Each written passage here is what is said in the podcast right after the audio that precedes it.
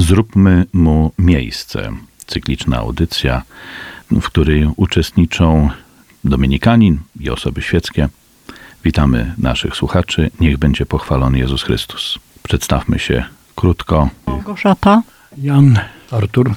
Marek Grzelczak, dominikanin od Panny Marii, tak można powiedzieć. Dobre określenie. Witamy serdecznie naszych drogich słuchaczy, którzy chcą nam towarzyszyć w tych no, niełatwych rozważaniach nad życiem duchowym. Inspiracją dla naszych rozważań jest książka ojca Fabera Postęp duszy, czyli wzrost w świętości. Dziełko, które liczy 27 rozdziałów, a my zaledwie jesteśmy u końcu drugiego. Przypomnę, że drugi rozdział tego dziełka pod tytułem Zarozumiałość i zniechęcenie. Nasze rozważania za, zakończyliśmy na trzecim punkcie.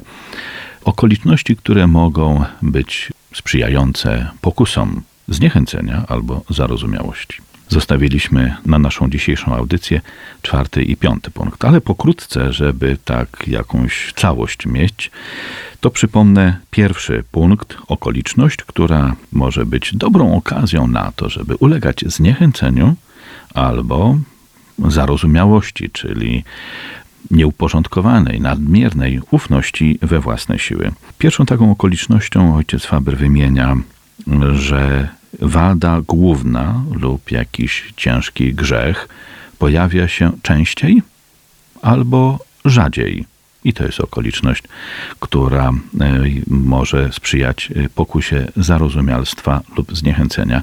A przecież ten grzech mógł być z innych powodów mniejszy, czy wada mniej się objawiać, bo chociażby z, ze zmiennych okoliczności życiowych, albo też na przykład ze zmiennych e, losów zdrowotnych samego człowieka, albo też działania nieprzyjaciela, czy też nawet sam Pan Bóg mógł nam e, nami pokierować tak, żeby ukryć przed nami to, co jest ważniejsze w Jego oczach. Drugi punkt to było zniechęcenie lub zarozumiałość płynąca z braku lub obecności uczuciowej słodyczy w naszych ćwiczeniach duchowych. A przecież y, ta uczuciowość, obecność jej lub jej brak naprawdę nie stanowi o naszej doskonałości, a natomiast niestety jest znakomitą okazją do pokus zniechęcenia lub zarozumialstwa. Innym punktem to łatwość lub wzrastająca trudność w modlitwach myślnych, w rozważaniach, w naszym skupieniu. A to też może zależeć zupełnie od naturalnych y, przyczyn zdrowotnych, pogody, samopoczucia, okoliczności związanych z naszymi spotkaniami z ludźmi. Więc to nie będzie świadczyło o tym, czy staliśmy się doskonalsi, czy staliśmy się mniej doskonali. Przechodzimy teraz do czwartego punktu z rozdziału Zarozumiałość i zniechęcenie, którym Faber mówi, że to chodzi o jakieś mędrkowanie na temat duchowych szlaków ludzkiego rozwoju. Mędrkowanie. To mędrkowanie może jawić się w oczach owego mędrka e, jako wiedza pewna i niezawodna, a nawet niemalże jak objawienie, że on teraz rozumie wszystkie zawiłości życia duchowego a to przecież po prostu może z tego potem mieć y, kłopoty w swoim życiu duchowym.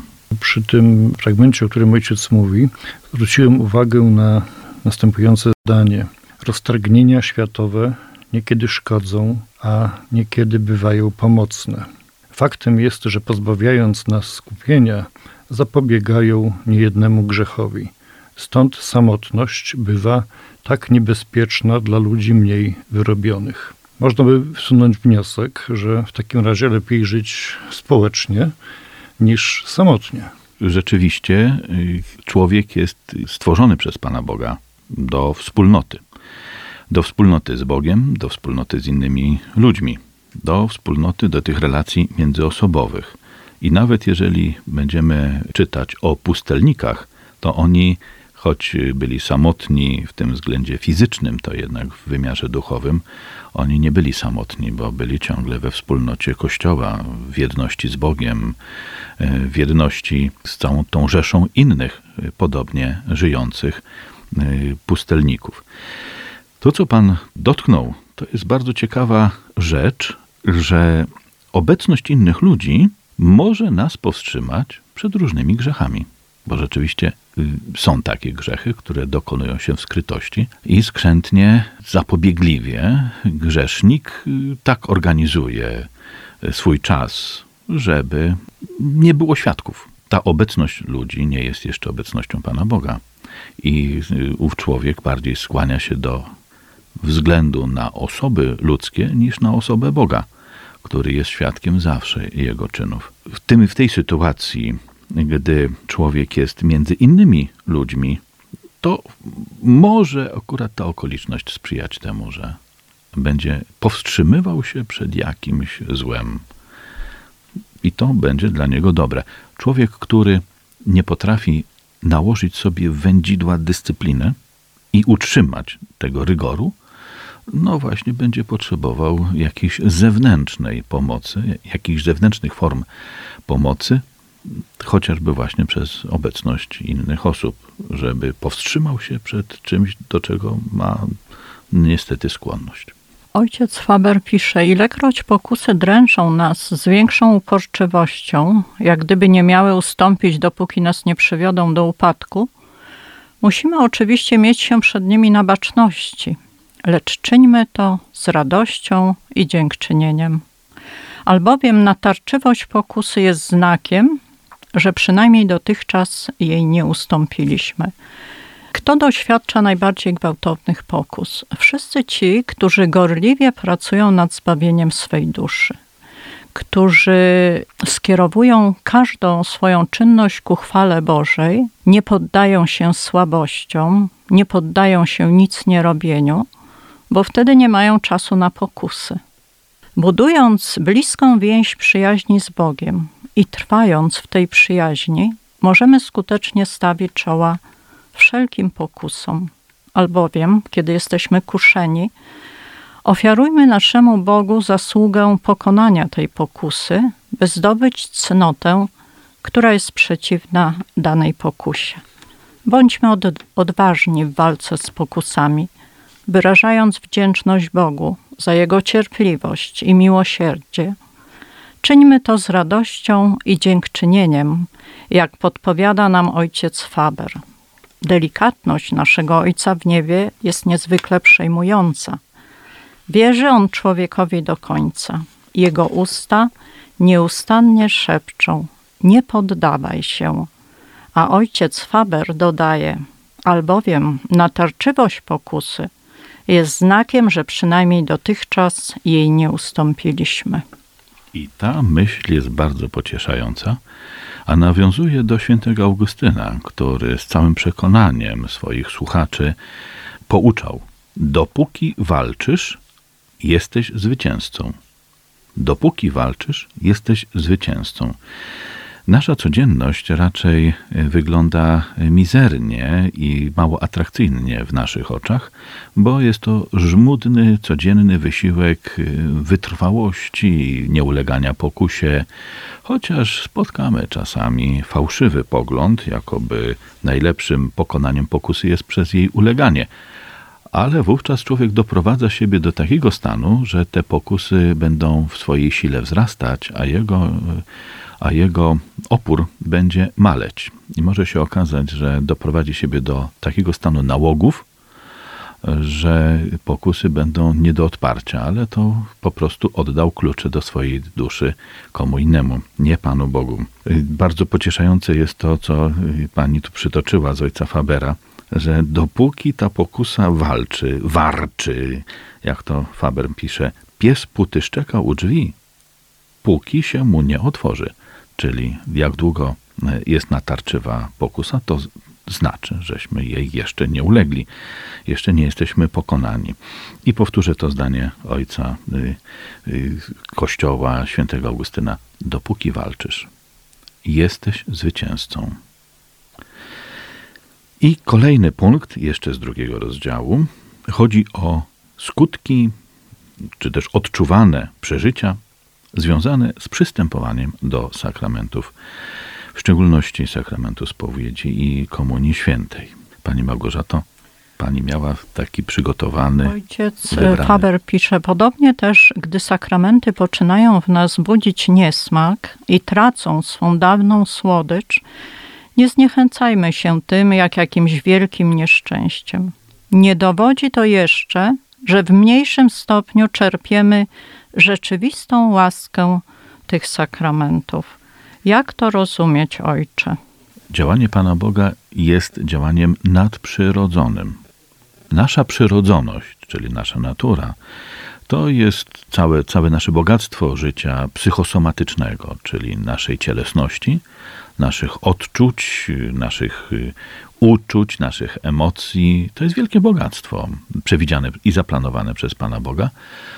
I jeszcze ten najwyższy wymiar duchowy, y, duszy nieśmiertelnej, rozumu i woli, w którym rozpoznajemy prawdy Boże, wolą lgniemy do nich, i tutaj będzie ta y, szansa na wiarę, na więź z Bogiem. To będzie ta przestrzeń, w której Panu Bogu mamy dać najwięcej miejsca. I działanie Komunii Świętej to przecież jest obecność Jezusa Chrystusa w nas. W tych znakach sakramentalnych On jest obecny prawdziwie, rzeczywiście i osobiście On jest obecny. Więc gdy przyjmujemy Go w Komunii Świętej, a wiemy, że tak długo jest ta prawdziwa, rzeczywista i osobista obecność Pana Jezusa w Najświętszym Sakramencie, jak długo trwają postacie eucharystyczne. Czyli mniej więcej przyjmuje się, że przyjęta Komunia Święta jeszcze jest w nas przez 10-15 minut, aż mm, te postacie eucharystyczne zostaną zniszczone. Ale łaska działania jest od samego początku, od momentu przyjęcia, od momentu spożycia Komunii Świętej. I to działanie jest nad naszą przyrodą, albo może powiedzieć głębiej, powiedzieć inaczej, głębiej w nas niż my jesteśmy w stanie siebie zarejestrować, niż o sobie pomyśleć, niż siebie odczuć, że Bóg jest w nas głębiej, jesteśmy Jego mieszkaniem, Jego świątynią. On nas zamieszkuje. I tutaj nie mamy takich narzędzi, takich aparatów do zarejestrowania tej obecności. Naj, najbardziej nawet wyczulone instrumenty naszych uczuć i emocji najbardziej wyśrubowane te struny naszych uczuć i wrażliwości nie są w stanie odczuć obecności Boga. Dlatego działanie Boże rozumiane ma być jako głębiej niż my możemy je postrzegać naszymi zmysłami. Trzeba, żebyśmy szli w tę głębię spotkania z Bogiem wiarą naszą, miłością ku Niemu, nadzieją w nim pokładaną. Natomiast jeżeli Pan Bóg raczy sprawić, że te struny naszych emocji i uczuć zostaną muśnięte i zagrają w nas, no to nie powinniśmy się do tej muzyki naszych uczuć przywiązywać. A jeżeli Panu Bogu miłym będzie y, nie dotykać tych strun naszych emocji, a oczekiwać od nas krzepkiej, twardej, czerstwej wiary w Jego obecność i w Jego miłość, którą mm, okazuje przez to, że raczy być nam pokarmem dla dusz naszych i ciał naszych. To wówczas właśnie będzie to, to, to o czym na przykład święty Tomasz z Akwinu w modlitwie, którą proponuje po przyjęciu Komunii Świętej, żeby Komunia Święta wyciszyła w nas wszelkie poruszenia ducha i ciała, czyli również wszystkie emocje, żeby wyciszyła, żeby tylko trwać w zjednoczeniu z Bogiem swoim. I jeżeli są odczucia jakieś, nie powinniśmy z nich wnioskować i dufać w sobie i nadmiernie pychę naszą pompować, że nie wiadomo już, co się dokonało. Z kolei też, gdy tych odczuć nie ma, nie powinniśmy wpadać w rozpacz ani w zniechęcenie. Boże, bo, bo Boże działanie jest głębiej niż te nasze rejestratory tak bym to określił, ten struny uczuć i emocji są w stanie y, y, rejestrować rzeczywistość. Bóg jest głębiej. Tak bym może spróbował odpowiedzieć na to pytanie. Ojciec Faber na koniec tego drugiego rozdziału zachęca swoich czytelników, żeby w sposób mądry, umiejętny,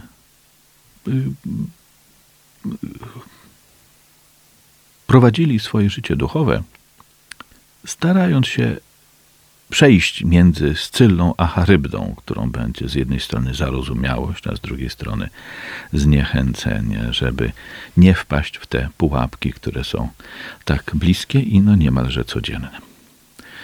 To może skoro żeśmy zakończyli drugi rozdział, to może zrobimy jakąś krótką przerwę em, i posłuchajmy e, muzyki.